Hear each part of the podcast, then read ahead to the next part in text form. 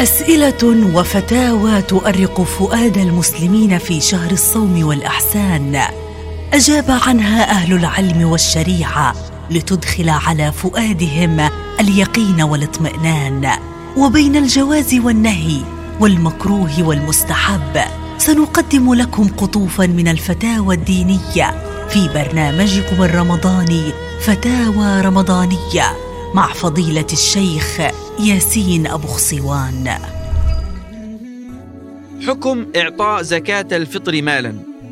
أجاب على هذا السؤال فضيلة الشيخ لؤي الشربجي بالآتي الحمد لله والصلاة والسلام على رسول الله وبعد.